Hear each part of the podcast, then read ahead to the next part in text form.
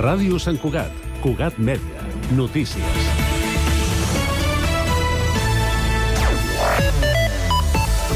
Tarda. L'alarma generada del projecte de nova finca d'implementar el coliving als pisos que té en propietat ha arribat al ple municipal. En el torn de l'audiència pública, el sindicat de llogateres ha denunciat les pràctiques abusives i il·legals de la immobiliària i ha preguntat a l'Ajuntament què farà per donar resposta a aquesta situació.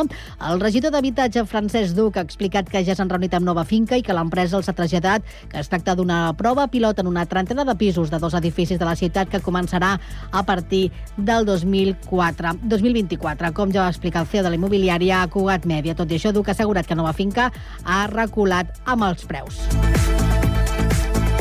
L'àrea metropolitana de Barcelona ha de portar al Consell Metropolità la proposta d'increment del rebut de l'aigua per Sant Cugat. De moment, l'ens supramunicipal ja ha definit la proposta d'augment de tarifes pels 23 municipis abastits per aigües de Barcelona.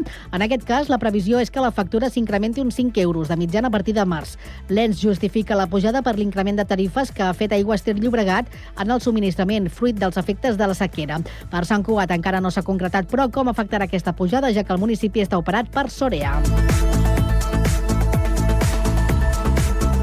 El col·lectiu feminista Hora Bruixa ha convocat una manifestació contra la violència masclista dissabte, motiu del Dia Internacional per a l'Eliminació de la Violència contra les Dones. La manifestació començarà a les 6 de la tarda des de la plaça de Lluís Millet i recorrerà l'eix central fins a arribar a la plaça d'Octavià. D'altra banda, enguany Hora Bruixa també ha organitzat una jornada d'activitats a la plaça de l'OM en què participaran diversos col·lectius com el Sindicat de Llogateres, la xarxa del barri de Sant Francesc i Avia Yala, que és un grup de dones migrades treballadores de la llar. A més, també hi actuaran el cos de dansa de l'Esbart i el grup de música Pesquines. La cita començarà a les 12 del migdia i a les 2 de la tarda hi haurà un dinar popular.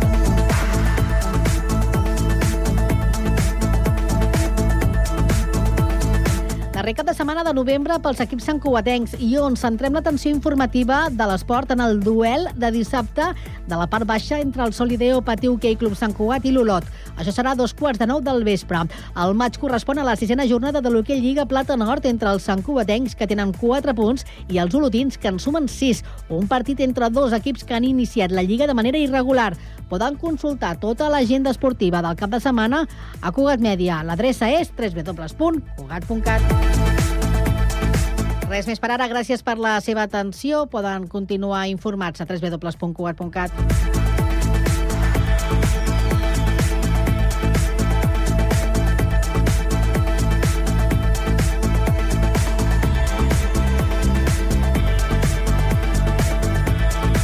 Cugat Mèdia, la informació de referència a Sant Cugat.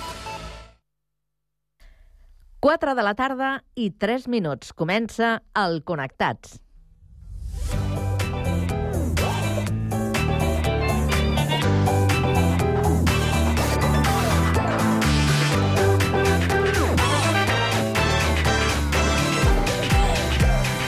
Connectats amb Carme Reversa.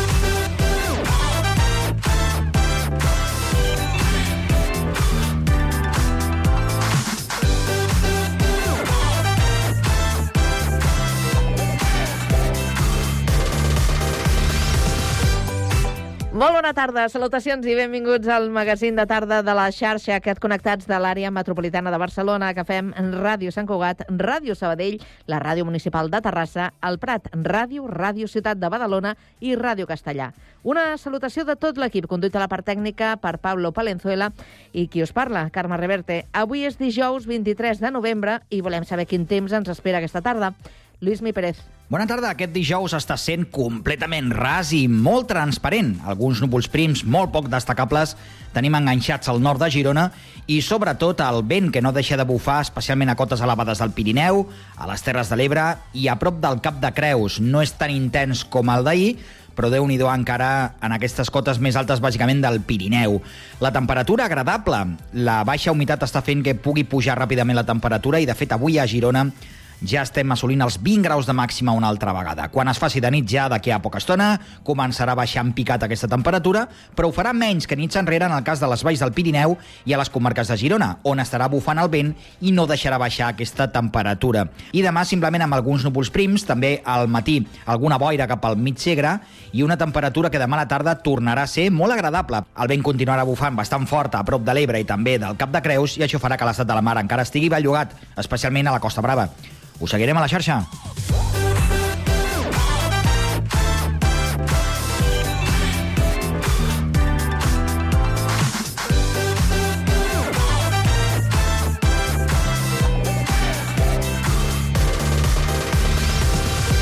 Avui al Connectats parlarem de la realitat virtual per crear experiències terapèutiques. En parlarem amb Pierre Bourdain, que és professor dels Estudis d'Informàtica, Multimèdia i Telecomunicació de la UOC.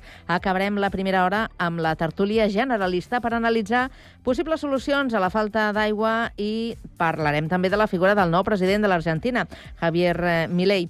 A partir de les 5 coneixerem la terrassenca Núria Bonet, art terapeuta, i psicòloga. Continuarem en patrimoni per descobrir la web del nomenclàtor de Sabadell. I acabarem amb cultura també des d'aquesta mateixa ciutat per posar de relleu la sarsuela Doña Francisquita, que representa el teatre La Faràndula aquest cap de setmana. Tot això i més des d'ara i fins a les 6 de la tarda a la vostra emissora local.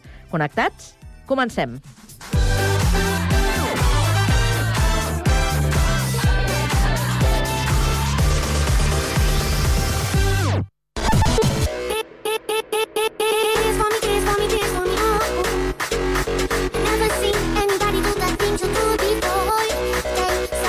Connectats, una experiència radiofònica a Sabadell, Terrassa, Sant Cugat, El Prat, Castellà i Badalona.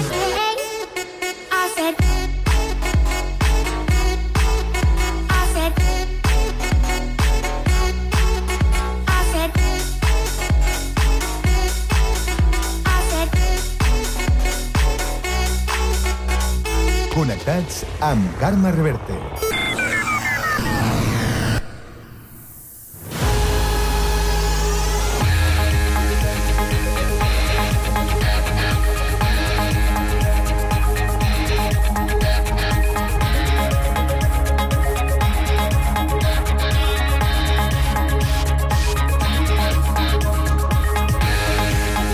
Les 4 i 7 minuts ens actualitzem i ho fem repassant l'actualitat en aquesta ronda informativa que obrim per Terrassa. Sergi Estapé, bona tarda. Bona tarda. La pedagoga i activista cultural Lídia Munies ha estat escollida per l'associació Enfoc Musical com a músic de l'any 2023 a Terrassa en reconeixement a la seva intensa tasca en la promoció i difusió de la música clàssica entre els infants amb risc d'exclusió al barri de Can Anglada. Nascuda a les Palmes de Gran Canària, Muniesa va crear fa una dècada el projecte Música al Barri dins de l'ONG Manantial de Vida que funda el seu pare, el pastor David Muniesa. És una entitat que treballa pel diàleg, la pau i la convivència i contribueix al benestar social amb la distribució d'aliments a persones necessitades. Més de 200 infants s'han iniciat a la música gratuïtament i han après a tocar instruments com el violí o el violoncel o el piano i a formar part de conjunts com la coral o l'orquestra de corda del projecte. Per a la música és un dret que tots els infants han de tenir i pot arribar a ser una eina de transformació social. El projecte Música al Barri actualment compta amb 14 professors i té un banc d'instruments que se cedeixen als alumnes que no es poden permetre la seva compra. L'acte de lliurament d'aquest guardó es durà a terme la setmana del Dia Internacional de la Música al mes de juny de 2024. Gràcies, Sergi. Seguim ara per l'actualitat de Sabadell. Pau Duran, bona tarda. Bona tarda. Detingut un home a Sabadell per possessió i distribució d'arxius de contingut pedòfil. La Policia Nacional l'ha arrestat a casa seva, on també ha localitzat una gran quantitat d'imatges sexuals amb menors. Es calcula que l'arrestat hauria arribat a compartir 55.000 arxius pornogràfics. Els investigadors sospiten que els distribuïa a través de plataformes P2P. Les imatges estaven allotjades en un ordinador portàtil i un disc dur extern que els agents també han intervingut. Segons ha informat la Policia Nacional, la majoria de les imatges recuperades estaven protagonitzades per noies menors d'entre 11 i 14 anys. Després de passar a disposició judicial, el magistrat ha decretat com a mesura cautelar contra el detingut una inhabilitació especial per exercir qualsevol professió o activitat que comporti tenir un contacte regular o directe amb menors d'edat. Gràcies, Pau. Anem ara fins al litoral des de Badalona. Avui, Andrea Romera, bona tarda. Bona tarda, Carme. Augmenta el nombre de joves a Badalona que viuen al carrer o ho fan en un infrahabitatge. Ho diu la taula Sense Llar, formada per set entitats socials de la ciutat, que avui ha organitzat a peu de carrer, a la plaça de Pompeu Fabra, una acció per visibilitzar aquest extrem de la pobresa. Avui, 23 de novembre, es commemora el Dia Mundial de les Persones Sense Llar. La taula Sense Llar ha detectat un augment de joves majors d'edat que incrementen la xifra de persones que no tenen un sostre o un sostre digne sota el qual dormir. Josep Maria Lluc és el director de la Fundació Acollida i Esperança. De 18 en amunt. Hi ha alguns joves, sobretot immigrants, que potser havien estat tutelats però després han deixat d'estar tutelats i no han aconseguit trobar habitatge i feina, o nouvinguts que ja han arribat amb més de 18, no han pogut estar en CRAES, en centres d'acollida, i han hagut d'anar al carrer. L'últim recompte que la taula sense llar va fer a la ciutat la passada primavera xifra en 90 les persones que dormen al carrer. Aquestes s'han de sumar 135 més allotjades en centres de pernocta, serveis i pisos d'entitats i pensions a la ciutat. Gràcies, Andrea. Seguim al litoral. Ara, des del Prat de Llobregat, Jonathan Marín, bona tarda. Bona tarda. El Centre Especial de Treball Fundació Cares ha inaugurat oficialment el seu nou magatzem al Parc de Negocis Masblau 2. Des del mes de juny l'entitat està duent a terme la seva activitat al Prat, ja que anteriorment ho feien al magatzem d'Esparreguera. Aquest nou espai compta amb una superfície de vora 5.000 metres quadrats, fet que ha permès multiplicar per 2,5 l'espai anterior. Així mateix, les instal·lacions disposen de capacitat per allotjar unes 5.400 ubicacions de palets europeus. Amb aquest canvi, l'entitat espera créixer a través de la creació de nous vincles amb empreses de la zona d'activitats logístiques del Port de Barcelona. Gràcies, Jonathan. I a Castellà del Vallès, que és notícia avui, Jaume Clapés, bona tarda. Bona tarda. Castellà serà una de les parades de la gira Entre Fluids, del cantant Triquell. El concert serà gratuït i tindrà lloc el divendres 22 de desembre al recinte firal de l'Espai Torrap. L'actuació arriba de la mà de la fàbrica i serà una de les propostes nadalenques d'enguany. Triquell és un dels noms més coneguts de la nova fornada de músics catalans gràcies a la seva participació estel·lar al talent show de TV3 Eufòria, el qual va quedar en segona posició. L'àlbum que ens presenta es mou entre el pop i la música urbana. Al concert, a Triquell l'acompanyaran Pau Ruiz a la guitarra, Carlos Galvez al baix i Mònica Vicente a la bateria, a més del DJ Xavier Rueda. La reserva d'entrades, que no tindrà cap cost, es podrà fer a partir de les 10 de demà divendres, 24 de novembre, a través de la pàgina web de l'Auditori Municipal www.auditoricastellà.cat. Gràcies, Jaume. I des de Sant Cugat us expliquem la història d'un desnonament en un dels barris més nous de Sant Cugat. La Yara viu de lloguer a Volpelleres i en els últims anys ha tingut problemes per pagar l'habitatge com a conseqüència de la fallida de la seva empresa.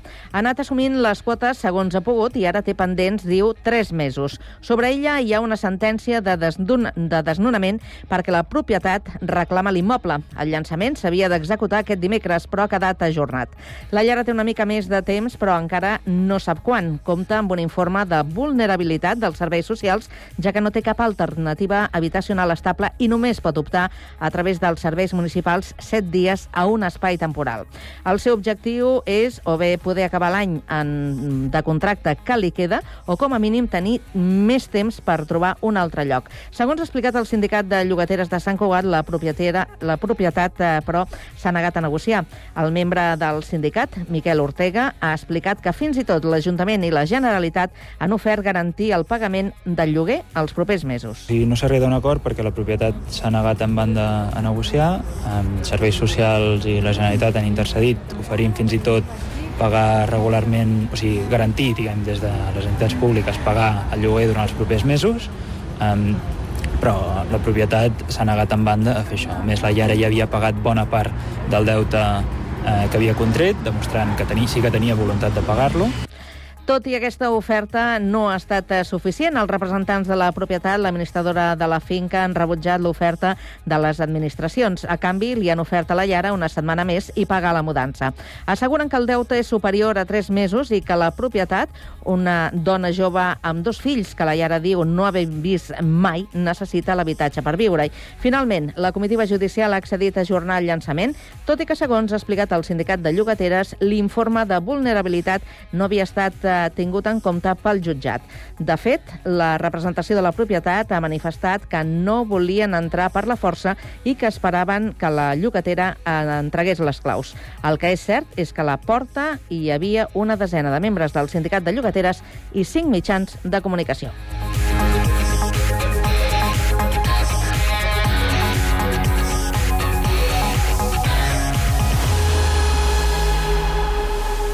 A la tarda, no et desconnectis. A la teva ràdio local, connectats. Can't touch this. You can't touch this.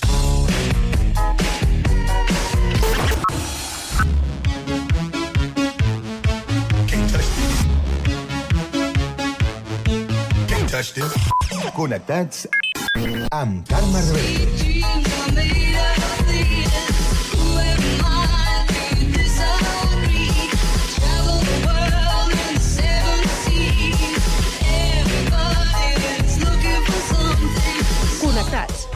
Una experiència radiofònica a Sabadell, Terrassa, Sant Cugat, El Prat, Castellà i Badalona.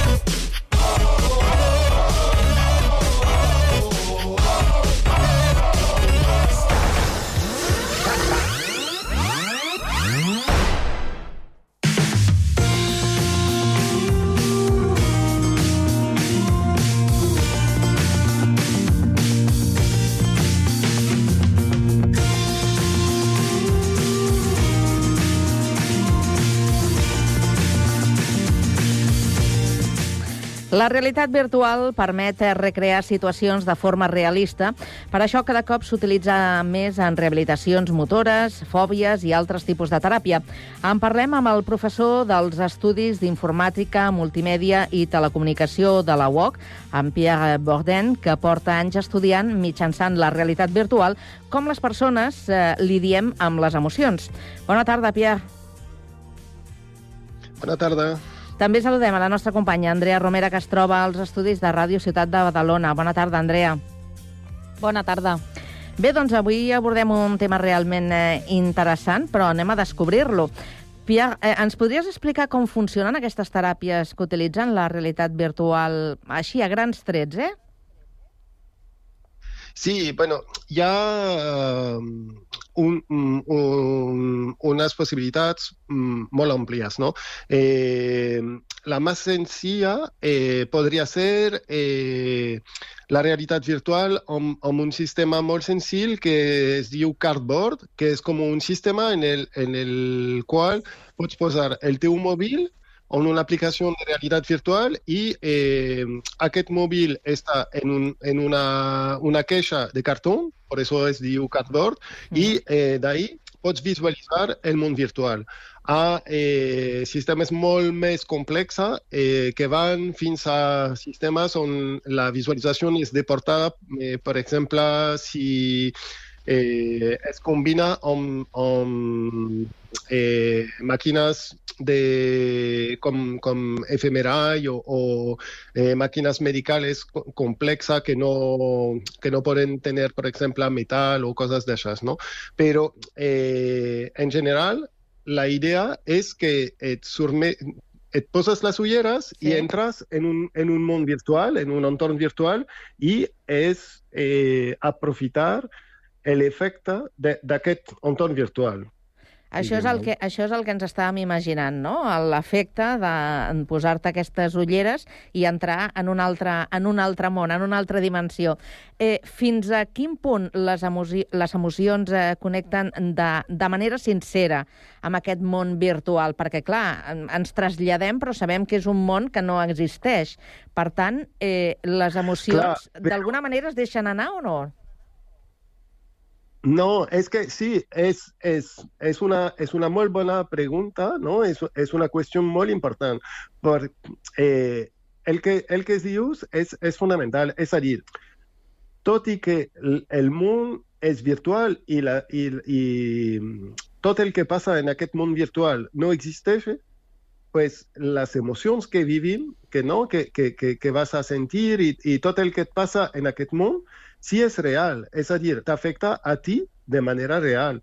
Eh, per això és tan important eh, tota la part d'ètica, tota la part de, de, de control que, eh, i, i tot això, perquè tot el que et passa en aquest món virtual t'afecta a ti com si fos real. O pot ser una mica menys, Mm. pot ser és més controlat, però eh, sí que ens, ens, ens afecta de forma molt fort, inclús en, en, en, en alguns casos, i eh, la connexió amb les emocions és, és, és molt real i molt, molt, molt Autèntica, fort, no? És Clar, autèntica. Eh, sí, en el cas que tot va bé, a, a veure, si hi ha un problema amb la tecnologia, si hi ha, no sé, un retras de algo i que, i que no funciona bé, home, eh, això afecta la...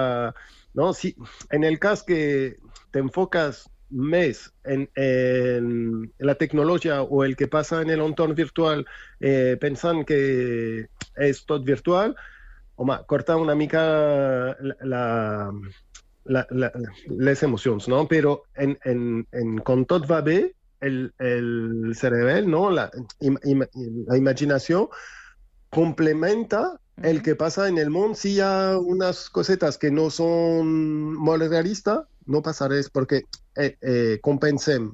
I, i, on hi ha problemes, pues, eh, Està clar. si estem, sí, sí, si estem en, en, eh, siguiendo el, el escenario, Mm. el, el cervell eh, compensa tot, tots els problemes que, que pot haver. Fins i tot comenteu als experts que s'arriba a connectar tant amb aquest món virtual que s'arriben a generar a vegades experiències extracorporals. Què vol dir això?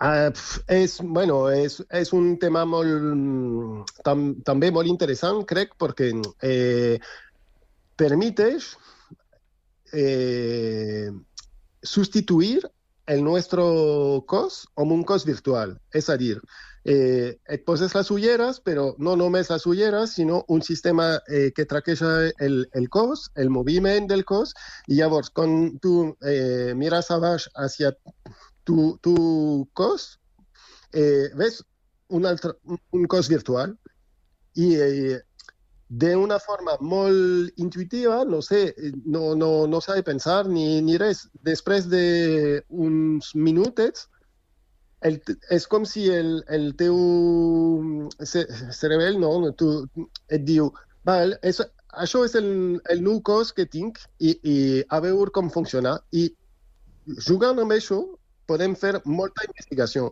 S'han fet in- investigació de, de, de tot tipus, eh, de canviar el, el del cos, de canviar el color del cos, eh, tot el que es pot imaginar, no? La edat, tot, tot el que, que volem. Però també el, una cosa que hem fet és mostrar que podem simular eh, sensacions on les persones es senten fora del seu cos.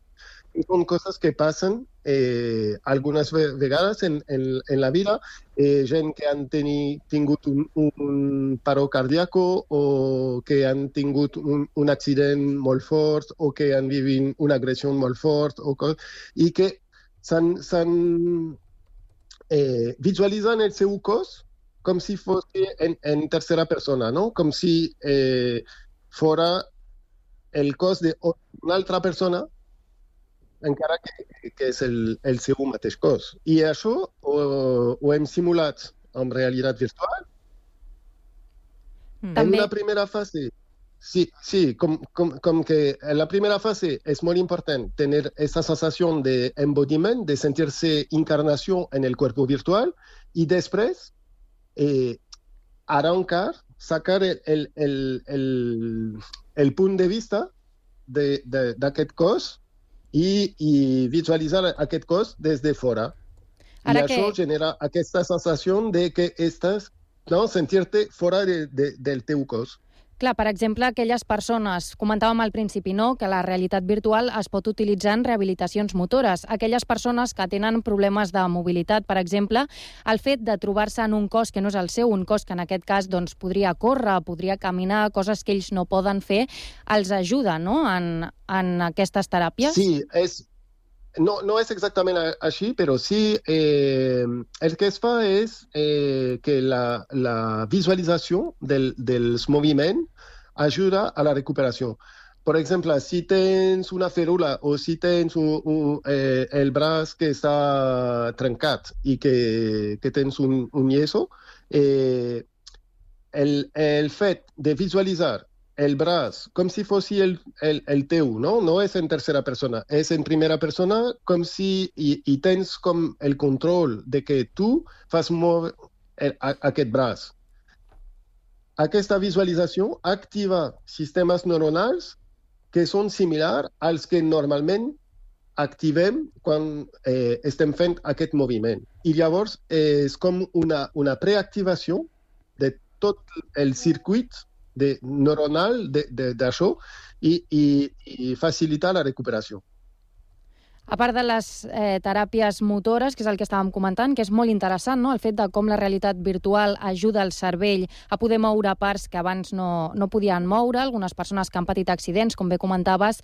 També parleu de la rehabilitació de maltractadors, és a dir, que el maltractador, gràcies a la realitat virtual, es posa en la pell de la víctima, es genera una empatia Sí. no? que abans no existia. Com s'aconsegueix això? Pues es eh, pues poniendo a la persona en una simulación en, en la cual eh, está eh, en el papel de la víctima, ¿no? Llavors és com si eh, un, canvi de rol, no? A, a, a veure, jo, no, primer, primer de tot, que no sóc psicòleg eh, clínica, i llavors aquesta part eh, tinc la meva opinió, però no sóc un experta en, en, en, en clínica. Però sí que el que entenc és com que eh, al posar la persona en, en una situació eh, on pot sentir el que ha passat a, les, a la víctima és, és molt... El que és diferent és que no és que li preguntes eh, imagina't si fossi en, en aquesta situació. No, està en aquesta situació i, i ho pot viure. I, i llavors té aquest, aquestes emocions no? que hem parlat abans i llavors sí que l'afecta i, i és, és algo que pot sentir en, en el seu mateix no? de, de, de que el que ha passat. I en alguns casos funciona molt bé i, i, i permetes que aquestes persones se- se- s'adonen que sí que de, del que han fet, no? que, que això no està bé. Hi ha altres persones que desafortunadament no les afecta res, que, que no... Eh, inclús eh, estan eh, d'acord amb, amb l'agressor. És a dir, de, depèn molt del perfil de la persona i, i tot això, no? Però és eh, el que m'havia dit un, un psicòleg eh, clínica de, de, de, la, de la càrcel, de la presó, que m'havia dit eh, una sessió de realitat virtual és com si fossi cinc sessions normal.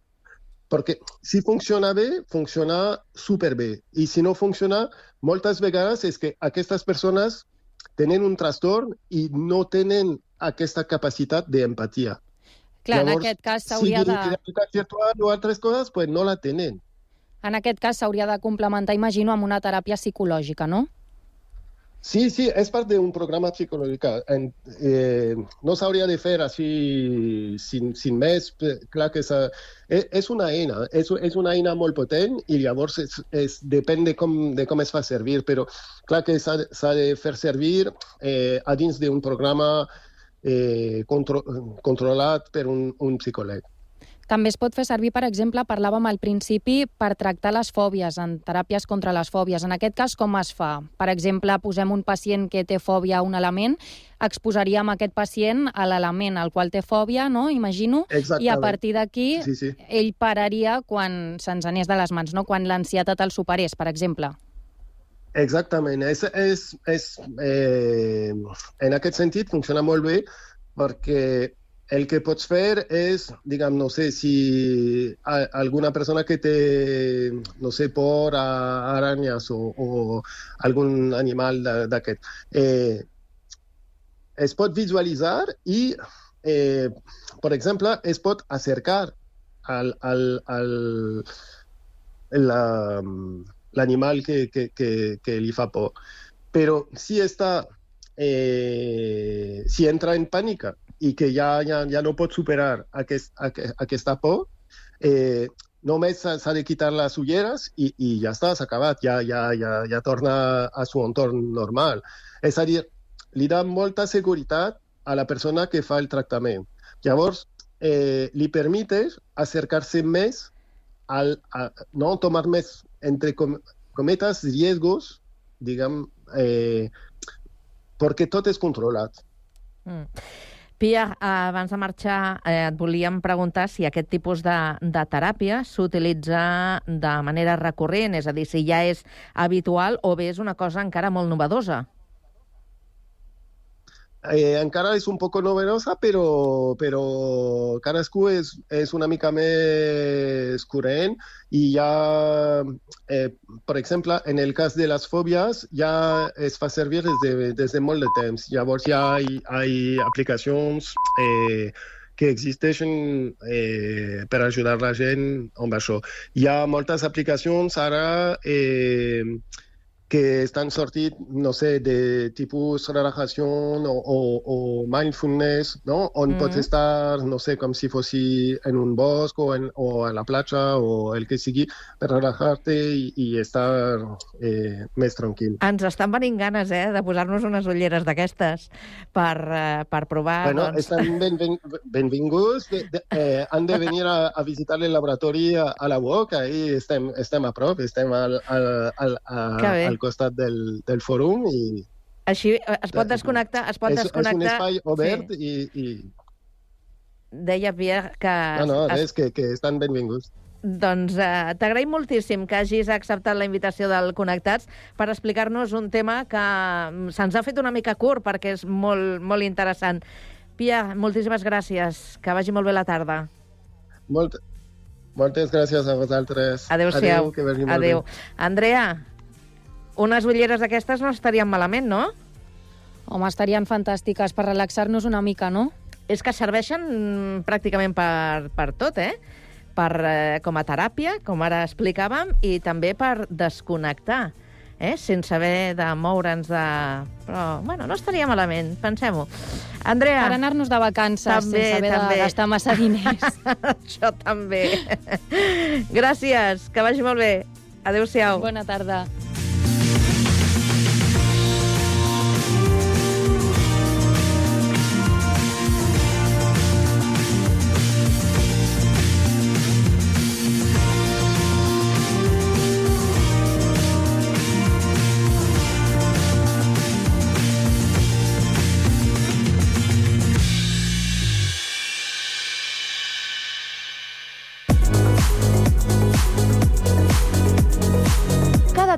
446 Connectats. Una experiència radiofònica a Sabadell, Terrassa, Sant Cugat, Castellà, El Prat i Badalona.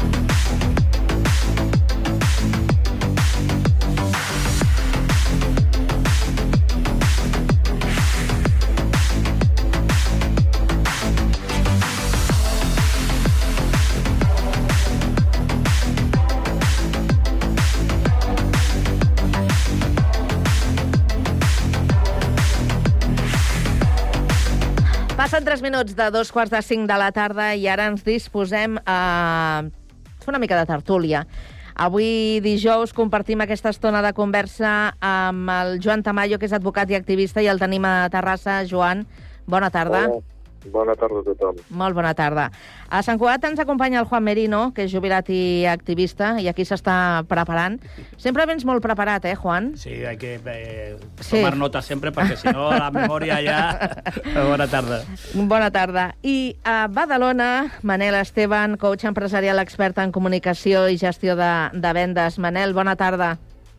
Molt bona tarda, companys. Encantat d'estar-hi aquí amb vosaltres. Bé, doncs eh, tornem a parlar de, de les conseqüències d'aquesta sequera, d'aquest eh, bé preuat que és eh, l'aigua. Eh, ja n'hem parlat de l'oli, que també és una altra, una altra història, però ara parlem de, de l'aigua perquè la cosa està realment eh, complicada Ja sabeu quina és la situació de, dels pantans eh, en aquest eh, país i això està donant eh, feina a, a les institucions que ja comencen a pensar en fórmules per, eh, per portar aigua. Ja parlen de portar aigua en vaixell, que no és novetat perquè ja, ja es va fer fa uns anys, eh, uns anys enrere, i tot això a l'espera que puguem solucionar el tema de, de l'aigua, perquè resulta que el conseller d'Acció Climàtica, en unes declaracions que, que ha fet, assegura que eh, s'espera que a partir del 2030 eh, no haguem de dependre de la pluja. És a dir, que després de tot el que s'ha de construir i s'ha de fer per tenir aigua de, de boca, que això ens ho acabi solucionant. Com veieu el, el panorama, Joan? Bueno, eh, aquí és un tema com, una mica com sempre, no? Perquè mm, jo ho deia fa pocs dies en una xerrada, dic que perquè pel tema de la guerra eh, en aquesta societat i en aquest país no invertim, només invertim en guerra, però no invertim en pau ni invertim pel canvi climàtic, que són coses que són evidents i que no... i anem sempre sobre la marxa improvisant. Mm. Aleshores, eh, aquest és el primer problema. Aleshores, clar, ara ens veiem forçats a, a fer coses i coses, però, per exemple, continuo sense sentir eh, cap govern que es plantegi, doncs, per exemple, què passa amb les infraestructures que porten l'aigua, que són velles, antigues, que, són, que porten molts anys, que no s'han revisat, que es perd aigua a les canalitzacions eh, de conducció de l'aigua, es perd moltíssima aigua, i clar, al final ho pagarem tots nosaltres, els, els usuaris i els Mm. ciutadans, la mala gestió o la improvisació de les polítiques. Eh, estem davant d'una situació greu, sequera, però aquesta sequera ja es preveia eh, el canvi climàtic fa molts anys, no s'ha fet cas, i per tant ara hem de fer, doncs, improvisar i fer meravelles, o sigui, portar en vaixells, el que faci falta. Mm. Aquest és el tema. Pagant sempre els mateixos, o sigui, la mala gestió i després la nova gestió. ho hem de pagar, ho hem de pagar tots. Tots nosaltres, tots nosaltres. Sí, sí. Juan. Ah, el Manel. Vinga, Manel. Deia, deia el malorat eh, Peris, no sé si recordeu d'ell, que feia una vinyeta al periòdico eh, durant molts anys, no? Una vegada eh, va posar un nino d'aquests que dibuixava ell al costat d'un barranc i la, la frase de sota deia quines ganes tinc que algú caigui per aquí i es despenyi perquè posin aquí una tanca, no? O sigui, i, així, i aquesta és la realitat. Mala uva del Pérez. I- Però, però és, és, la, és la realitat, eh? La realitat. Però és la realitat, o sigui...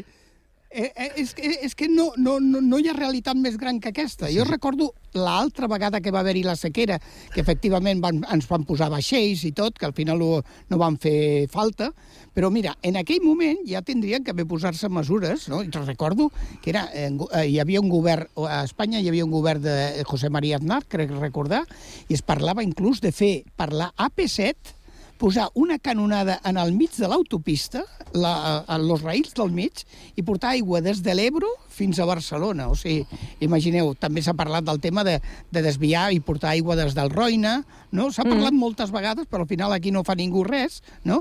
I realment, en aquesta sequera que estem, jo crec que anem una mica, per no dir molt, tard, perquè ja tindrien que haver agafat mesures restrictives importants des de fa almenys un any perquè portem molt de temps amb el tema aquest, no? A veure, no ens quedarem sense aigua, però crec que no solament és una qüestió de posar mesures perquè hi hagi aigua, sinó que tenim que tindre un eh, aixecar la consciència de tothom de que no podem fer eh, la, la, eh, deixar rajar a l'aigua de la manera que l'estem fent, no? perquè estem perdent molta quantitat, és molt necessària, i al final, per desgràcia, ens tindrem que... Eh, serà tan cara l'aigua que tindrem que dutxar-nos amb oli d'oliva, no? Que encara... Home, no, que és més pues cara. com no baixi el preu...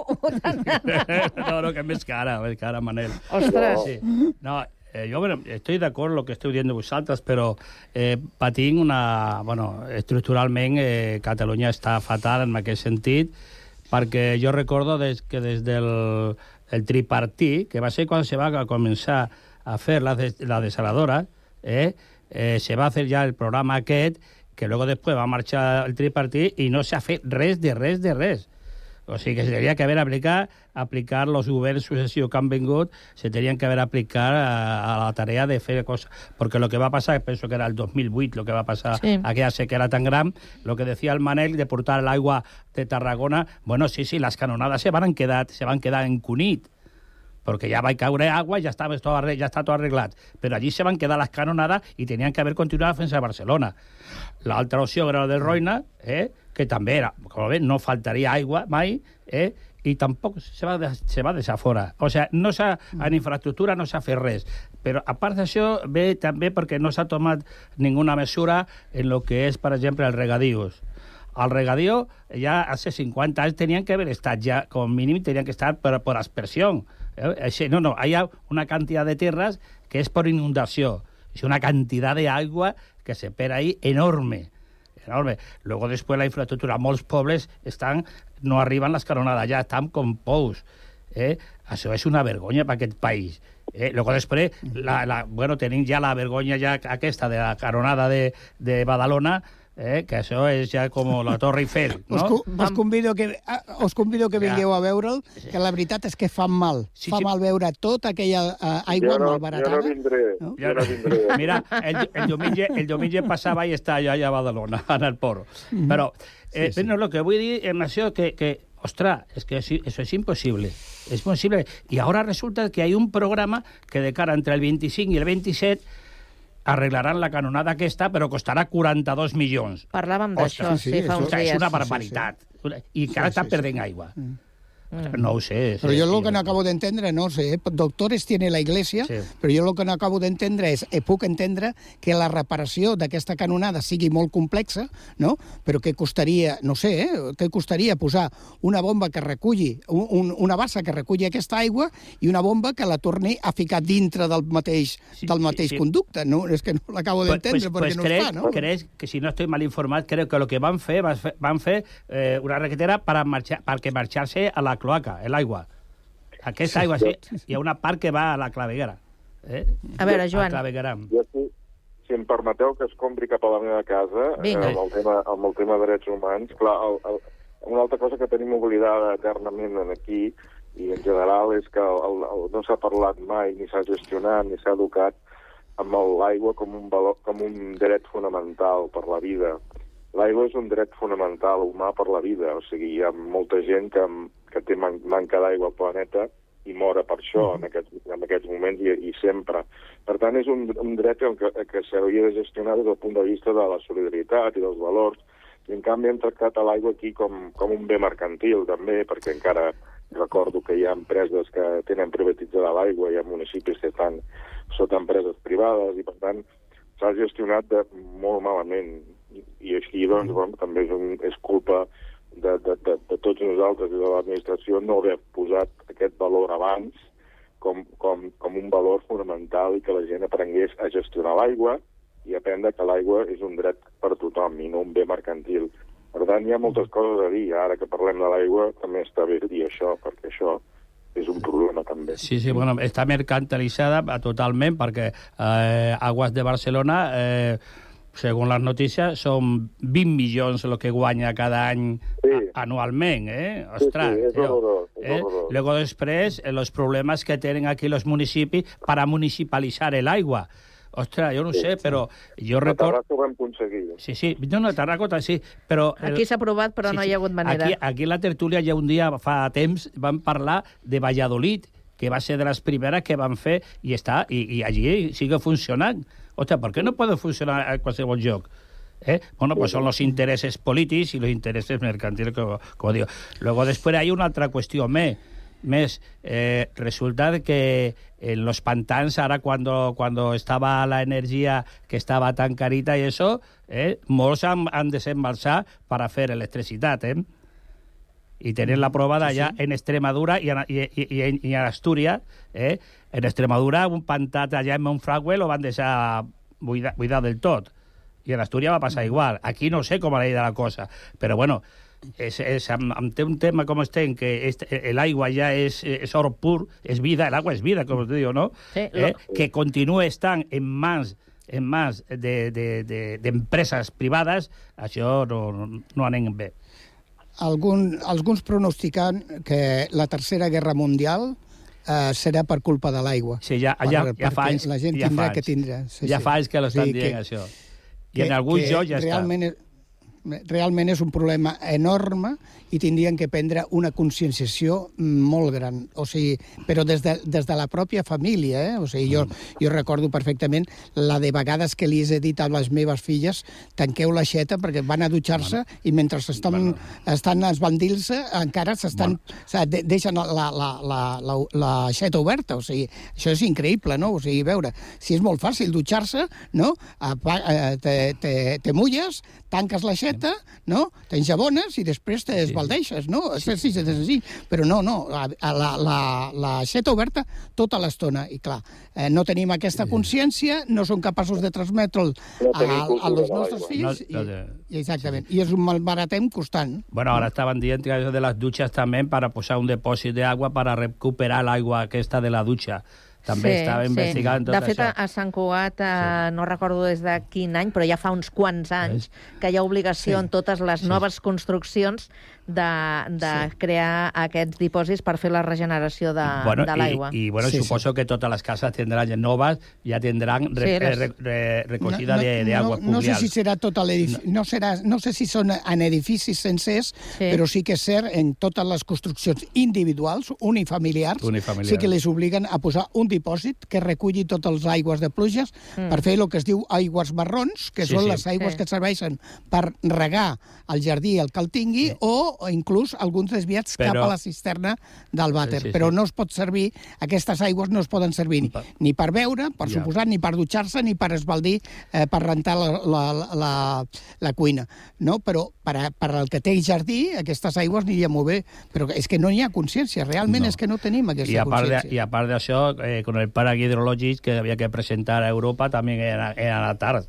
Perquè això Mhm. aporta anys i molta... I Brussel·la dient, oi, això que fer-lo, que fer-lo, i a correcuita s'ha fet, però, bueno, a que anem Però tard, tard sempre. Però va, per, va, va- passar també amb l'energia solar. Sí. Aquest país és un país que té una quantitat de, de, de, de sol impressionant i n'hi ha més plaques solars en el nord d'Europa que aquí. Bueno, no? eh, Però per què? Per una qüestió de consciència. Sí, no, no, Aquí no n'hi ha consciència. Eh, Sant Cugat, la primera ciutat de Catalunya en placas solar, pero Cataluña es la última en el Estado español en placas solar.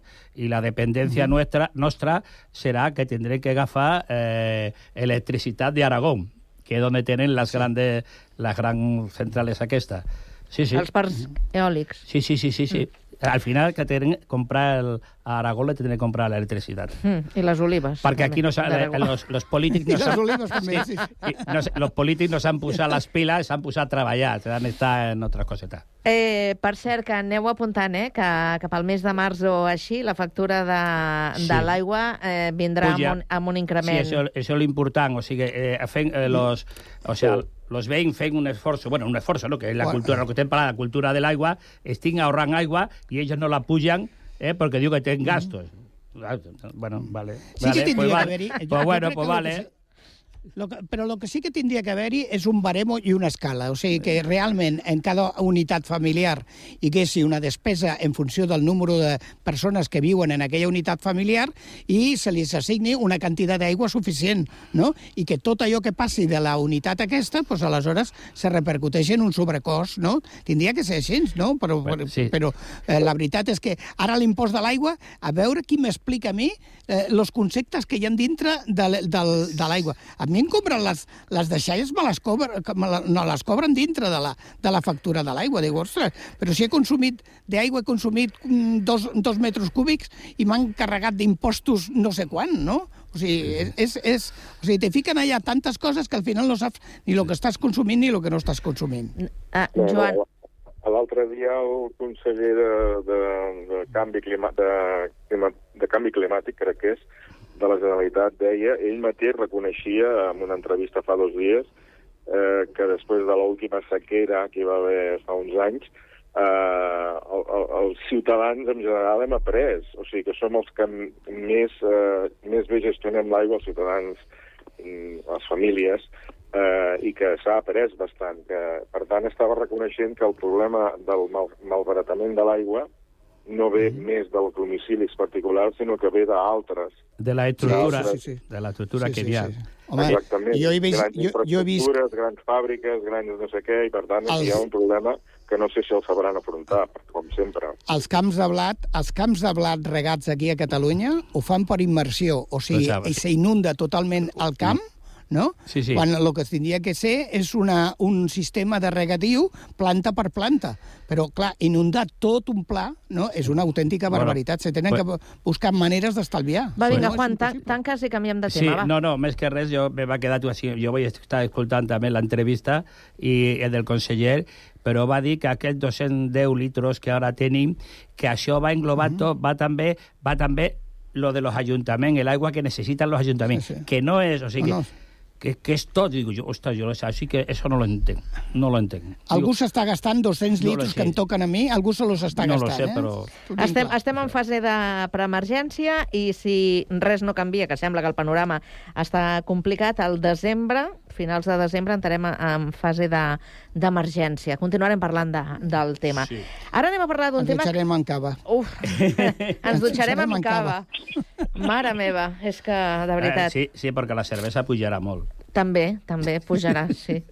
I l'oli ni el toquem, eh? Ja eh parlem d'un tema que encara no hem abordat a, a la tertúlia i és el nou president, la figura, eh? La figura del nou president de, de l'Argentina, Javier eh, Milei, que ha fet eh, com una cursa meteòrica fins a arribar a la presidència d'aquesta, mm, en teoria, podríem dir, potència eh, eh, llatinoamericana. Sud-americana. Sí.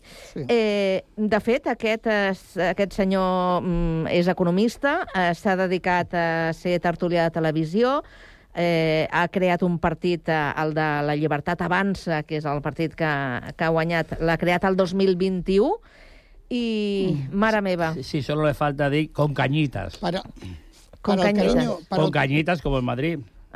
Para el cariño que yo le tinc a los, para el cariño que jo les tinc a los argentins, espero que no s'hagin equivocat.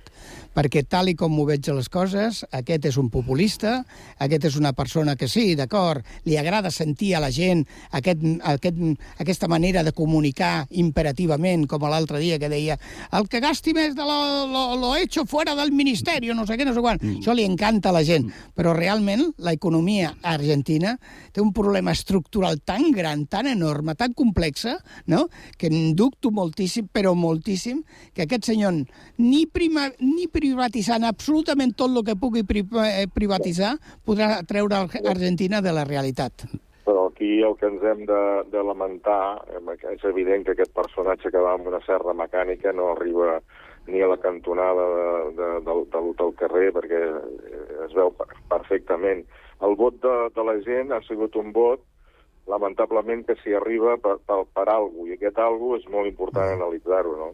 Eh, per mi hi ha una derrota i un fracàs de, del sistema liberal democràtic eh, que ja portem molts anys, eh, els polítics i partits polítics tradicionals no han sapigut, eh, han fracassat totalment, no han sapigut i, i s'han deixat portar per, per, per la mala gestió, la corrupció, etc etc. i aleshores què passa? Que amb la societat actual, amb els mitjans de comunicació actuals, on una mentida repetida diverses vegades es converteix en veritat, és molt fàcil caure en el populisme i qualsevol individu, per, per trist i, i, i patètic com sigui que- aquest, doncs pot arribar a, a guanyar unes, unes votacions perquè la gent desconfia, la gent està cansada, la gent està, està, està desinformada, la gent està, bueno, en fi, està cansada i aleshores pot arribar fins i tot a votar a un personatge com aquest. Això és el que hauríem d'analitzar. Bueno, un país- El individu aquest jo no li gastaria ni, ni 5 cèntims ni 5 minuts més perquè ja sabem el que és, és, és, és patètic. Mm, El problema és per què ha arribat aquest senyor. Bueno, pues por, por un país que té un 40% de pobresa, un 142, Sí, sí, clar, exactament. un 142 d'infla, de, d'inflació, eh, tenien... Un país ric, eh? Estem parlant d'un país que sí, té bueno. recursos naturals Sí, el, impressionants, el eh? més ric de, de Llatinoamèrica. En los, sí. años, en los años 30, ahora es un desastre. ahora es un desastre. En los años 30, eh, pues yo me recuerdo de día, i- inundaba de car tota, tota Europa y América. El, eh, Bueno, pero eso ahora ya está... Eh, aquest senyor, pues no ho sé, jo penso que, que eh, serà igual que, o pitjor que el Menem, que acabaron con el corralito, a això hora de la dolarizació, o sea, el dólar, posar-lo, eh, tancar el Banc Central, eh, eh, bueno, eh, vender toda la, privatizar todas las empresas y aquí hay una cuestión que és, que és molt important. Estava, estava dient que demà que se queda amb vuit, creo que se queda amb vuit... Ministeris. Eh, amb vuit ministeris només. Diu, se queda amb vuit cartera. Defensa, interior, economia, justícia, capital humà, afers estranger i seguretat. O sigui que, I eliminarà d'un plomasso tot.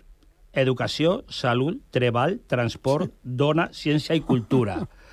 Mare meva. Pues bueno, eh, no sé cómo responderá a- al poble eh, si le quita la subvención, le quita todas estas cosas con un 40%. por- Bueno, pues una, una, una, ahí serà un esclat eh, enorme, no? Sigui, la població Deia- sortirà al carrer.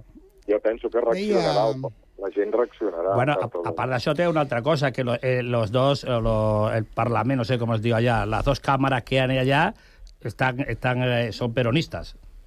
O sigui, que no- Deia no- una... eh, De, em permeteu? Sí. Vinga, molt deia, deia, deia una, un amic meu argentí fa molts anys, em deia, Argentina és un país maravilloso, la lástima es que està llena d'argentinos. Sí. Yo, yo lo- de todas maneras, yo quería... quería... Molt, molt ràpid, que sí, ja... sí, no, no, quería- no, no, porque es que hay un personaje, un personaje aquí, que es la, que es la, la segona, la segona, la vicepresidenta, La, passa? eh, la señora esta. Villarruel. Esta señora estuvo, estuvo aquí con el Aznar, estaba, estaba aquí con las víctimas del terrorismo. Esta señora eh, es eh, eh, hija, nieta y, y sobrina de militares. Y, bueno, dice que los 30.000 desaparecidos tururú, que no hay nada. Y esta está metida, es una de las firmantes de la Carta de Madrid, del Foro de Bosch, eh, de Bosch, con la, de la ¿cómo os digo? El- esto que tienen, como la fundación esta que tienen para América Latina, que ha desviado ya Mm. 11 millones de euros. Bueno, Ai, está Juan. metida todo en el... Ahí, ahí, eso Hem sí que marxar. encuentro un problema. Hem de marxar. Eh, gràcies als tres. Manel, Joan, eh, Juan, que tingueu molt bona tarda i gràcies per l'estona. Gràcies, igualment. Bona tarda a tots.